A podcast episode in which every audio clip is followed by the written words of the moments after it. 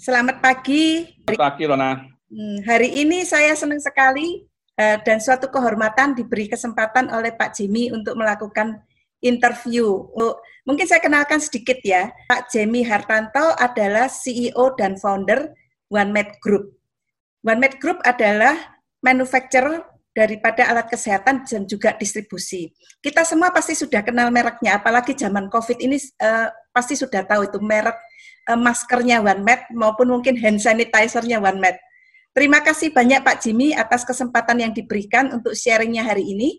Uh, saya yakin ini akan berguna bagi kita semua dan juga uh, untuk menginspirasi uh, para pelaku bisnis untuk belajar dan tangguh untuk mencapai suatu kesuksesan. Terima kasih atas sharingnya hari ini.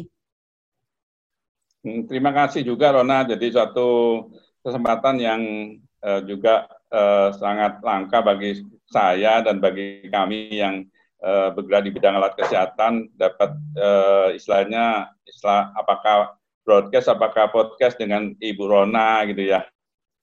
Terima kasih banyak. Jadi saya ini kenal Bu Rona uh, yang luar biasa gitu ya, baik dari talentnya, pengalamannya, dan juga dari terobosannya untuk hal-hal yang baru. Hmm, terima kasih, Bu Rona.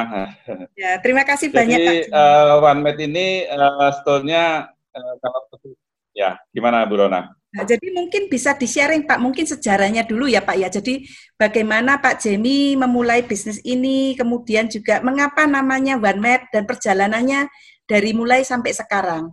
Mungkin bisa di-sharing untuk kita semua. Ya, jadi sebetulnya um, tidak terlepas dari background saya ya gitu. Jadi saya seorang uh, saya sebetulnya um, dulunya memulai daripada bisnis ini agak sedikit lambat gitu. Kenapa? Waktu itu uh, saya sebagai seorang uh, profesi uh, habis lulus dokter gitu ya, alumni di Udayana Bali itu saya bekerja di pemerintah gitu. Jadi sebagai seorang dokter, cita-citanya memang suatu pelayanan pada masyarakat gitu. Jadi karena seorang dokter muda waktu itu tugasnya di puskesmas ya, dan setelah tugas di sana beberapa tahun saya tidak kerasan gitu di puskesmas ya. Jadi saya ini kepingin sekolah spesial katanya waktu itu. Tapi karena tugasnya di Jawa itu harus tunggu lima. Nah, jadi saya nggak nggak nggak bisa nunggu itu. Akhirnya saya ngambil apa uh, di sekolahkan ngambil master gitu ya jadi Master Public Health. Udah itu uh, akhirnya eh, hal-hal yang saya hadapi justru bukan di bidang medisnya, tapi uh, ya memang waktu praktek masih medis ya, tapi di dalam suatu jabatan saya urusan dengan seperti kepala puskesmas, kemudian di dinas kesehatan, di kanwil kesehatan. Nah akhirnya saya pikir waktu itu uh, ya sudah nggak bisa spesialis, terus akhirnya saya berpikir bagaimana uh, seperti waktu saya masih kecil uh, eh, SMP itu saya sudah mulai bantu orang tua yang kerja Polowijo dan jiwa bisnisnya saya ada. Saya pikir oke okay, kita akan uh, berusaha supaya income-nya itu uh, ada gitu ya. Ya karena dari Jember uh, atau dari suatu puskesmas yang kecil di Sari, terus kemudian saya pindah ke Jember, Jember akhirnya pindah Surabaya itu otomatis kalau praktek itu income-nya agak berkurang gitu ya. Jadi akhirnya uh, saya mulai berpikir untuk bisnis gitu. Itu ceritanya begitu Bu Rana.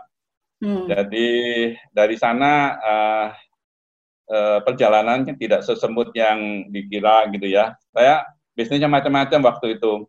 Misalnya waktu itu lagi musim musim udang, tambah udang gitu ya. Saya berbisnis tambah udang gitu ya. Tapi karena memang pengetahuan tentang tambah udang tidak terlalu banyak, akhirnya saya jual. Terus bisnisnya ada bisnis lagi, bisnis kayu misalnya. Saya kerja di kayu, ekspor kayu ya. Terus kemudian tapi juga akhirnya saya jual. Kemudian juga ekspor waktu itu uh, fashion. Jadi saya masuk di fashion tapi karena juga tidak terlalu tahu akhirnya saya uh, jual juga. Nah, yang terakhir ini kita masuk di obat-obatan dulu sebelum masuk di Alkes. Nah, waktu di obat-obatan uh, kita masih sampai sekarang masih obat itu jadi distribusi farmasi dan cita-citanya buka pabrik obat. Tapi oleh seorang uh, dari pemerintah dari Kementerian Kesehatan jangan jangan obat karena pabrik obat sudah banyak. Ayo kita di bidang alat kesehatan aja karena waktu itu betul-betul masih bisa dihitung dengan jari untuk uh, bisnis uh, pabrik alat kesehatan. Itu awalnya ceritanya begitu. Tapi beberapa uh, kejadian di puskesmas yang membekas pada diri saya bahwa di Indonesia ini sangat kurang sekali uh, yang memproduksi alat kesehatan dan kita kekurangan. Jadi kita sangat tergantung pada luar negeri waktu itu. Misalnya contohnya waktu di puskesmas itu saya cuma dijata satu hari itu dapat dua uh, alat suntik yang kita bilang bilang sepuet atau bilang uh, alat siring gitu ya untuk menyuntik kira-kira 50 pasien gitu. Nah, itu tentunya jarumnya juga tidak diganti, hanya didesinfektan dengan alkohol gitu ya. Terus akhirnya waktu itu uh, sedikit uh, membuat tuh istilahnya apakah suatu trauma, apa suatu kesan gitu ya. Wah, ini kita suatu saat harus mempunyai cita-citanya ada suatu cita-cita kita harus mempunyai suatu pabrik alat kesehatan atau alat suntik sendiri gitu loh. Itu itu ter, terbayangkan pada waktu itu waktu uh, tugas di puskesmas gitu loh. Nah, pada waktu kami sudah mulai usaha, nah bayang-bayang itu menjadi suatu cita-cita. Itu ceritanya gitu. Hmm. Akhirnya uh, awalnya itu one made itu yang terkenal adalah sebetulnya tes hamilnya. Kalau kita bawa logo OneMed ke mana-mana ditanya sama kalau ada toko cewek itu, oh tes hamil ya. Jadi kita agak malu juga waktu itu karena saya masih bujang ya. Hmm. Uh, setelah tes hamil terus kemudian sepet, nah terus kemudian bergerak pada macam-macam sehingga saat ini kita sudah ada kurang lebih sekitar hampir 500 item daripada medical device atau bahan habis pakai yang kita produksi dan yang kita distribusi ada kurang lebih sekitar uh, itemnya sekitar hampir uh, eh, 8.000 sampai 9.000. Itu oh. ceritanya, Bu Rona. Hmm. Jadi Bapak mulainya sebagai distribusi dulu atau uh, pabrikan dulu, Pak itu? Jadi sejak tahun 92, tahun 1992 kita distribusi dulu. Hmm. Jadi istilahnya kalau saya sering uh, ngolong-ngolong diri saya pada waktu itu kita jadi istilahnya jadi broker atau jadi pedagang ya. Hmm. Jadi cita-citanya waktu itu menjadi seorang pengusaha, tapi waktu itu kan belum ada kesempatan. Jadi kalau itu istilahnya pedagang jual beli gitu.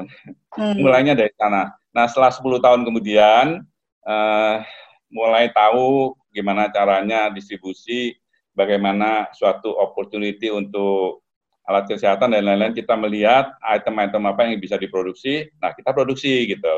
Jadi naik lagi kita waktu itu menjadi seorang pengusaha gitu. Hmm. Itu tahun berapa Pak mulai uh, mulai bikin apa? pabrik itu? Tahun berapa? Tahun 2002 itu untuk mulai bikin pabrik? Nah, 2002 kita mulai pabrikan, mulai kita manufacture. Hmm, oke. Okay. Uh, eh, itu kalau nama One Made-nya sendiri itu dari mana Pak? Soalnya uh, One Made itu uh, ya suatu saya ini sering kelebihan saya ini mulai dari kecil kalau ditanya sama tetangga, sama orang tua, sama family itu mau jadi apa? Jadi seorang dokter kan gitu kan. Hmm. Jadi ini demikian juga pada waktu waktu mulai usaha itu saya kepingin apa? E, kalau e, bisnisnya itu alat kesehatan jadi number one gitu ya. Jadi one kalau disingkat jadi one medical gitu. Kalau disingkat jadi one med gitu. Oh oke, okay. bagus lah. number one medical. dan gampang juga ngingetnya ya Pak ya. Ya dan uh, cita-citanya juga kita tidak hanya di lokal, di domestik, tapi juga bisa ekspor dan lain-lain. Karena saat itu ada kesempatan untuk uh, ekspor dan lain-lain. Ya kita namanya one match supaya tidak terlalu uh, supaya gampang sama orang dengar tuh one match gitu. Itu hmm. ceritanya gitu. Iya, Pak. Ini kalau sekarang dari distribusi dan manufacturing, mungkin kita bedakan dulu ya, karena kalau distribusi mungkin nilainya cukup tinggi, tetapi kalau untuk manufacturing pun juga tinggi, tetapi uh, supaya perbandingannya nggak nggak skewed, itu kalau dari yang uh, bikinan sendiri, itu produknya yang utamanya apa Pak? Jadi kalau kita bilang 80-20 itu, yang 80% kan biasanya bisa didapat dari 20% produk. Jadi ada produk-produk yang memang best seller. Jadi produk-produk apa yang best sellernya daripada OneMed ini? Jadi kita uh, memang awalnya uh, tes hamil ya tes hamil itu digolongkan dengan suatu rapid test. Jadi mungkin sekarang uh, COVID itu juga suatu rapid test ya. Jadi hmm. sebetulnya sejalan, tapi karena saya harus hati-hati mengembangkan rapid test termasuk COVID ya. COVID untuk rapid test itu uh, kita sangat hati-hati sekali kalau kita tidak mempunyai suatu teknologi yang betul-betul nanti uh, mantap, kita tidak mau untuk COVID test. Tapi kita sudah berusaha untuk dalam uh, waktu dekat itu juga kita launching untuk COVID test gitu ya, untuk rapid test. Tapi waktu itu kita terkenal sekali dengan rapid testnya, jadi kita bisa memproduksi kurang lebih sekitar 50 juta tes hamil ya. Bayangkan aja, orang hamilnya aja hanya ada sekitar di Indonesia satu tahun itu hanya 4 sampai 5 juta ibu hamil. Hmm. Tapi kita bisa memproduksi 50 juta uh, tes hamil dan itu laku gitu loh. Ya saya tanda tanya big question kenapa kok tes hamilnya begitu laku banyak banyak. Jadi orang yang ngetes atau kepingin hamil atau yang sudah hamil atau yang tidak ingin hamil itu semua pada ngetes pada pakai gitu ya. Hmm. Termasuk yang di mana-mana di ya saya tidak tahu lah itu pokoknya laku sekali gitu. Nah itu salah satu backbone kita di rapid test. Habis itu yang kedua adalah alat suntik. Kita bisa produksi kurang lebih sampai sekitar 500 juta alat suntik. Lima hmm. alat suntik itu uh, yang 3 cc, kalau misalnya untuk imunisasi, untuk suntik-suntik biasanya kalau sakit kita ya mungkin pakai uh, alat suntik kita gitu. Kemudian yang tiga, kita mulai di uh, yang populer misalnya waktu itu lima sebetulnya sudah 10 tahun yang lalu ya kita produksi masker gitu ya dan juga lain-lain uh, yang misalnya uh, hand sanitizer itu baru-baru ini aja adanya COVID itu menjadi satu um, uh, apa namanya produk hot gitu ya produk hot. Tapi sebelumnya ya normal-normal saja kita uh, edukasi semua perawat, semua dokter dan lain-lain itu memakai hand sanitizer atau antiseptiknya kita lah hmm. supaya misalnya sebelum suntik tangannya steril, kemudian pakai semacam suatu swab yang bisa pakai uh, untuk sebelum suntik dioleskan gitu loh. Itu kira-kira backbone-nya kita saat ini. Tapi ya, seperti yang saya katakan bahwa banyak sekali uh, item produk kita dan kita mempunyai satu target setiap tahun kita mempunyai paling tidak 50 item produk baru setiap tahun gitu. Hmm, Oke, okay. berarti R&D-nya cukup kuat ya Pak ya? Nah, R&D-nya cukup kuat, tapi memang uh, dulunya misalnya uh, alat kesehatan ini agak unik ya Bu Rona ya, karena Pak alat kesehatan ini produk yang sebetulnya hampir seperti obat. Jadi fungsi dan QC-nya atau kualitasnya itu keamanan juga ya. Keamanan itu harus betul-betul uh, ada kalau ukurnya. Misalnya, misalnya uh, alat suntik. Kalau misalnya alat suntik itu tidak steril, bayangkan aja yang disuntik misalnya menjadi uh, infeksi misalnya. Jadi alat suntik ini apa namanya alat kesehatan ini memang uh, secara function dan secara safety itu harus betul-betul baik. Kalau tidak uh, dan ada aturannya seperti ISO, ada seperti uh, standar kualitas Indonesia seperti kita bilang SNI atau misalnya ada cara produksi alat kesehatan yang baik, uh, itu semuanya ada standarnya gitu. Hmm, Oke. Okay. Uh, Pak, ini kan sekarang One Med sudah lumayan besar ya Pak ya. Tetapi sebelum mencapai ke level sekarang kan pasti banyak merintis dan kira-kira mungkin apa ya Pak halangan yang ditemui dan bagaimana Bapak bisa uh, menghadapi halangan-halangan itu? Uh, ya sebetulnya memang uh, awalnya ya awalnya pada saat distribusi uh, kita itu bagaimana membuka atau network supply chain untuk seluruh Indonesia nasional itu memang nggak gampang ya karena kita terdiri dari lima pulau besar dan kita mempunyai satu rumah sakit di mana-mana terpencil gitu ya.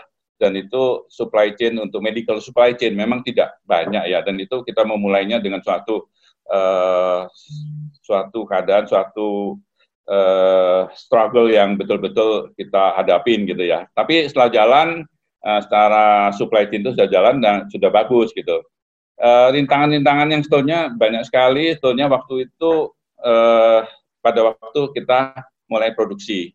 Karena diketahui bahwa alat kesehatan ini tidak ada sekolahnya gitu loh.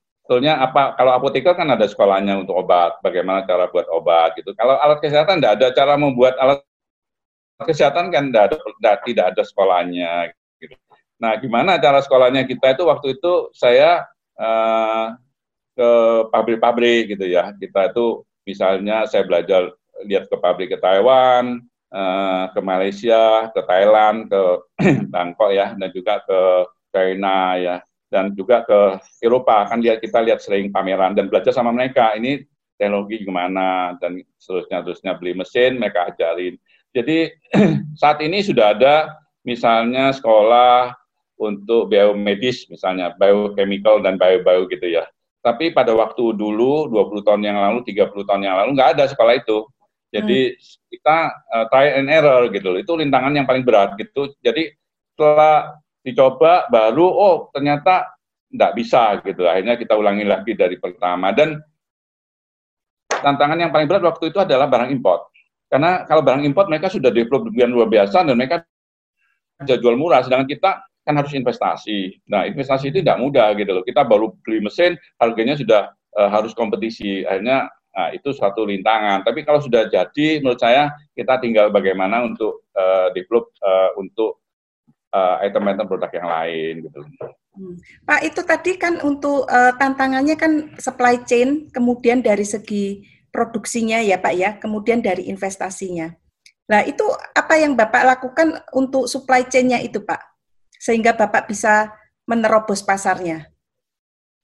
Ya, kalau di sini um, di di Indonesia kita biasanya dengan suatu partnership ya, dengan suatu network misalnya uh, di Medan kita itu berpartner dengan siapa gitu ya. Jadi hmm. suatu kesabaran, suatu passion gitu ya. Maksudnya suatu uh, uh, untungnya gini, kita ini fokus dan untungnya saya punya background medis gitu ya. Jadi kalau yang lain sekarang banyak soal banyak dokter yang sudah usaha alat kesehatan, tapi dulu nggak ada gitu ya. Jadi hmm. istilahnya saya bisa menjelaskan, saya bisa jadi menurut saya intinya kalau distribusi medical supply chain itu adalah suatu uh, yang dulu kita waktu itu tidak punya softwarenya. Kalau sudah punya software untuk medical chain, medical supply chain itu lebih gampang. Jadi uh, softwarenya itu harus kita mapan dulu untuk supaya bisa mengembangkan distribusi. Terus yang kedua, menurut saya kita istilahnya itu harus berpartner dengan yang masing-masing ada di daerah-daerah ya di di provinsi lain gitu loh. Nah, itu kalau kita tidak dapat suatu, misalnya tidak berpartner, mungkin lebih sulit lagi. Tapi dengan suatu berpartner, akhirnya kita uh, apa uh, akhirnya bisa. Karena saya sendiri tidak ada suatu background di medical chain, tapi medical supply chain, tetapi uh, makin banyak makin cepat, akhirnya kita uh, beberapa uh, orang yang menjadi profesional, menjadi timnya kami. Nah, itu akhirnya menjadi maju dan maju. Akhirnya tidak terlepas bahwa distribution ini ada suatu memang suatu usaha yang eh, memang harus fokus di dalam pengalaman eh, di dalam satu mempunyai pengalaman untuk distribusi gitu loh Brona. Hmm. Ini berarti kalau Bapak partneran berarti apakah berarti ada kayak semacam distributornya gitu ya Pak ya di masing-masing daerah? Ya, jadi uh, kita biasanya uh, ada istilahnya keagenan ya distributor, tapi uh, memang istilahnya tidak mengikat, tapi bendera One Med itu biasanya misalnya di uh, Kalimantan Timur misalnya siapa itu sudah kita ada gitu loh. Jadi mereka uh, bersama-sama kami uh, memperjuangkan bendera One Med di sana, baik itu dalam memberikan suatu services karena kita kita ada alat-alat equipmentnya dan juga uh, di dalam satu penjelasan produk dan distribusi ke rumah sakit jadi hampir uh, seluruh rumah sakit yang saat ini kurang lebih ada 2.008 rumah sakit di Indonesia itu kita bisa uh, berikan satu istilahnya uh, mempunyai satu kontak dengan mereka gitu. Hmm, Oke, okay. Pak Jimmy ini dalam perjalanan OneMed ini, menurut Bapak itu uh, terobosan apa ya yang Bapak lakukan yang betul-betul bisa kayak turning point-nya gitu ya dari uh, dari perusahaan mungkin yang kecil awalnya menjadi perusahaan besar dan sukses.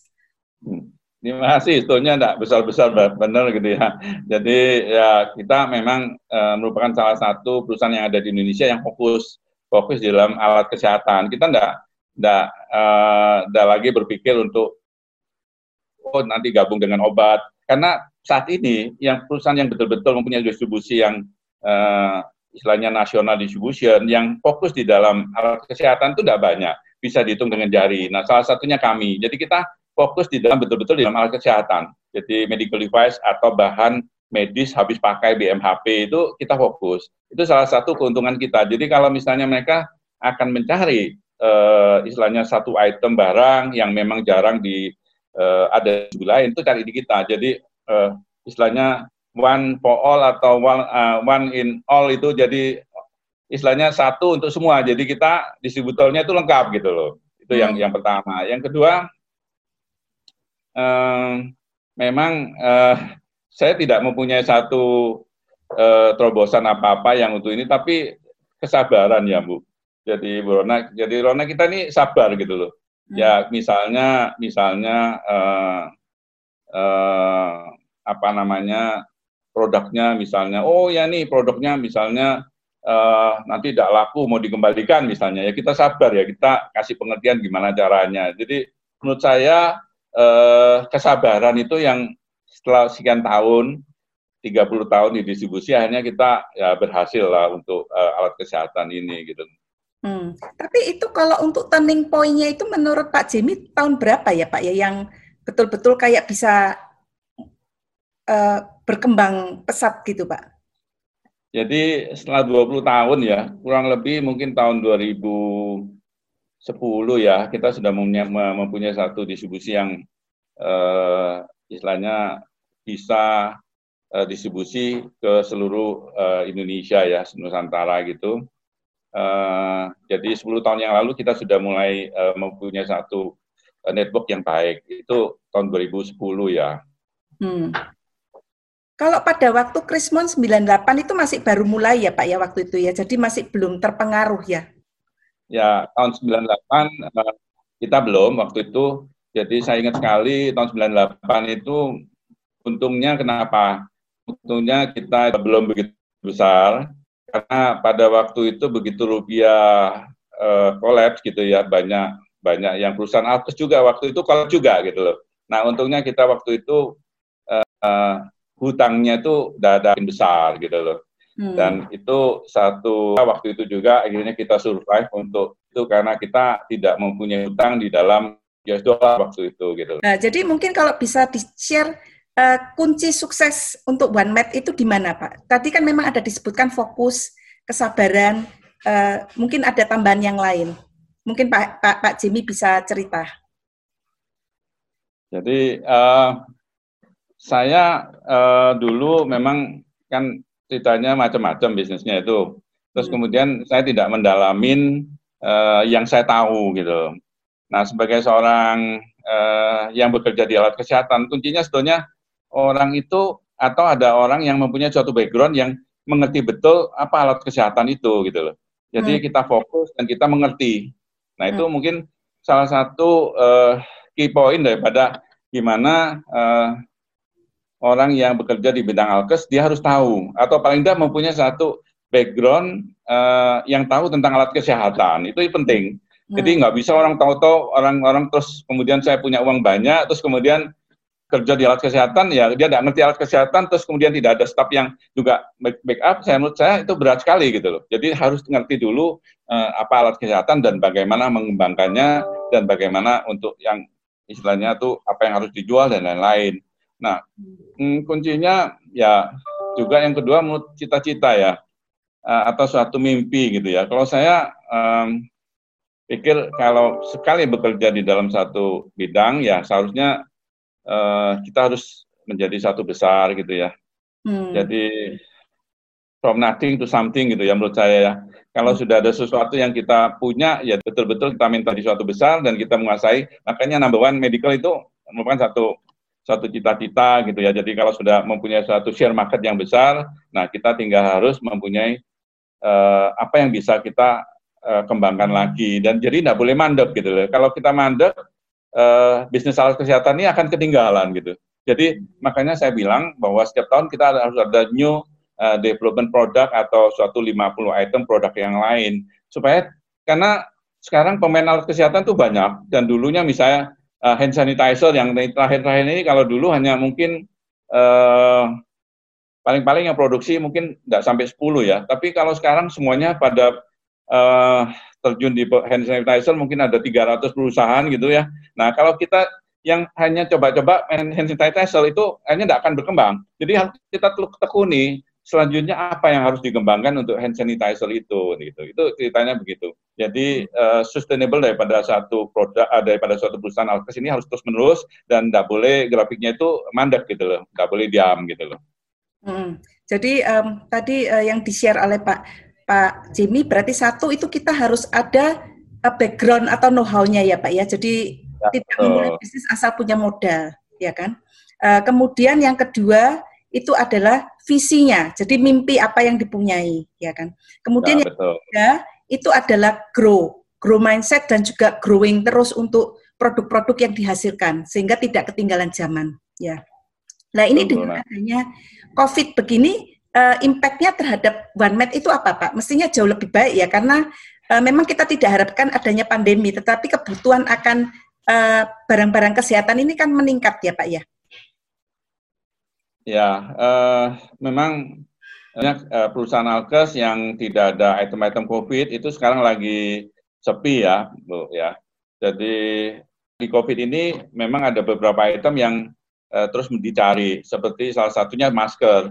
Masker ini uh, dulu uh, orang pakai masker aja kan sulit. Di rumah sakit aja disuruh pakai masker aja sulit gitu loh. Hmm. Tapi sekarang suatu kebutuhan, baik itu di rumah sakit ataupun di masyarakat awam itu juga suatu kebutuhan gitu. Jadi menurut saya akan suatu grafiknya akan suatu macam suatu tren di mana uh, bisnis masker ini akan terus uh, meningkat gitu. Dan dari masker medis menjadi masker non medis dan masker kain dan macam-macam ya dikembangkan jadi masker yang mungkin yang art gitu ya yang dengan bordir-bordir yang harganya satu juta. Jadi kesempatan bisnis masker itu banyak sekali. Hmm. Dan uh, tadi ceritakan bahwa uh, seperti hand sanitizer. Hand sanitizer itu kita mengedukasi di rumah sakit itu sulit sekali dulu.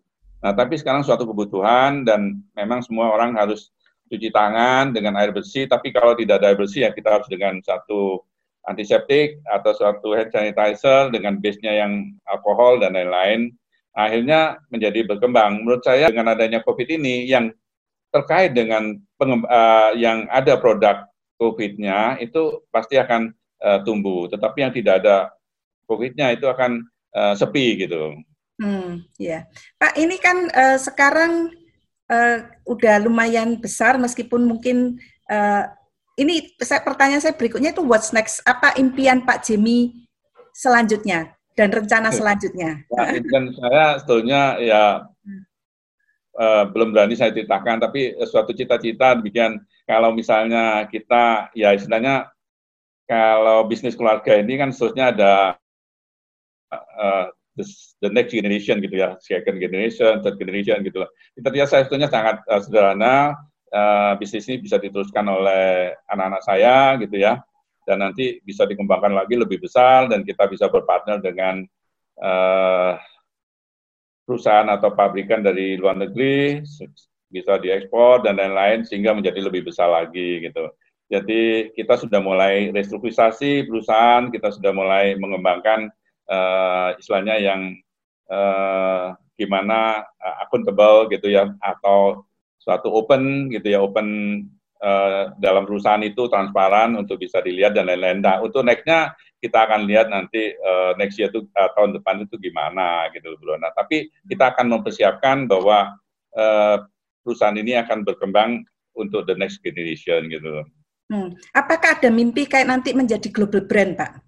Jadi tidak hanya mungkin di Indonesia, tetapi banyak juga ekspor dan menguasai dunia gitu. Enggak.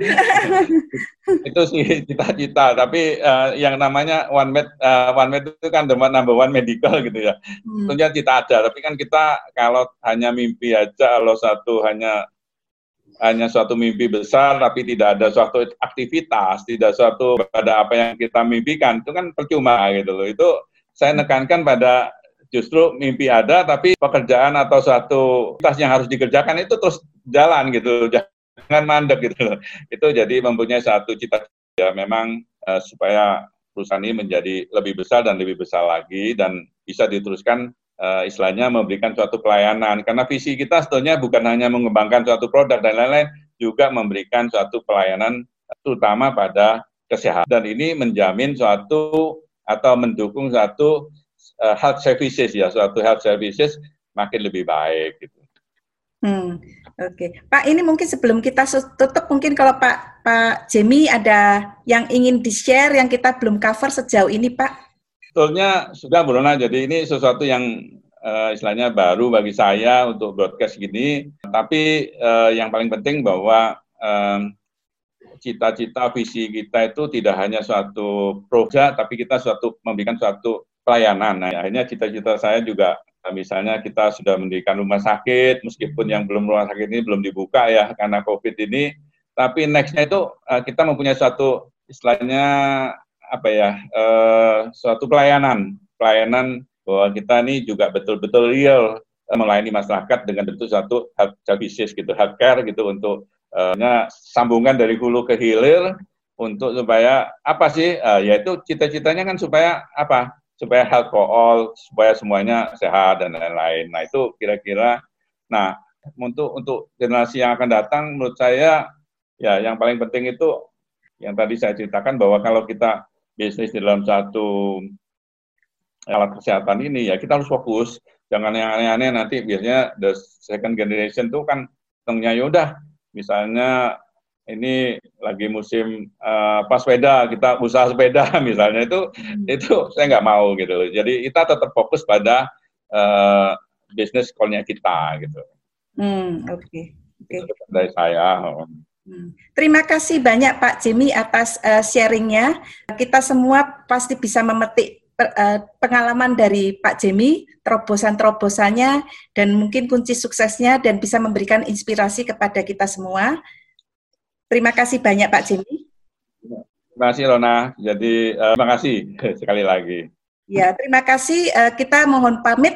Uh, saya Ronawati Wongso, host pada acara pagi ini, dan terima kasih kepada Pak Jemi Hartanto yang telah uh, sharing bersama kita hari ini. Terima kasih banyak Pak Jemi.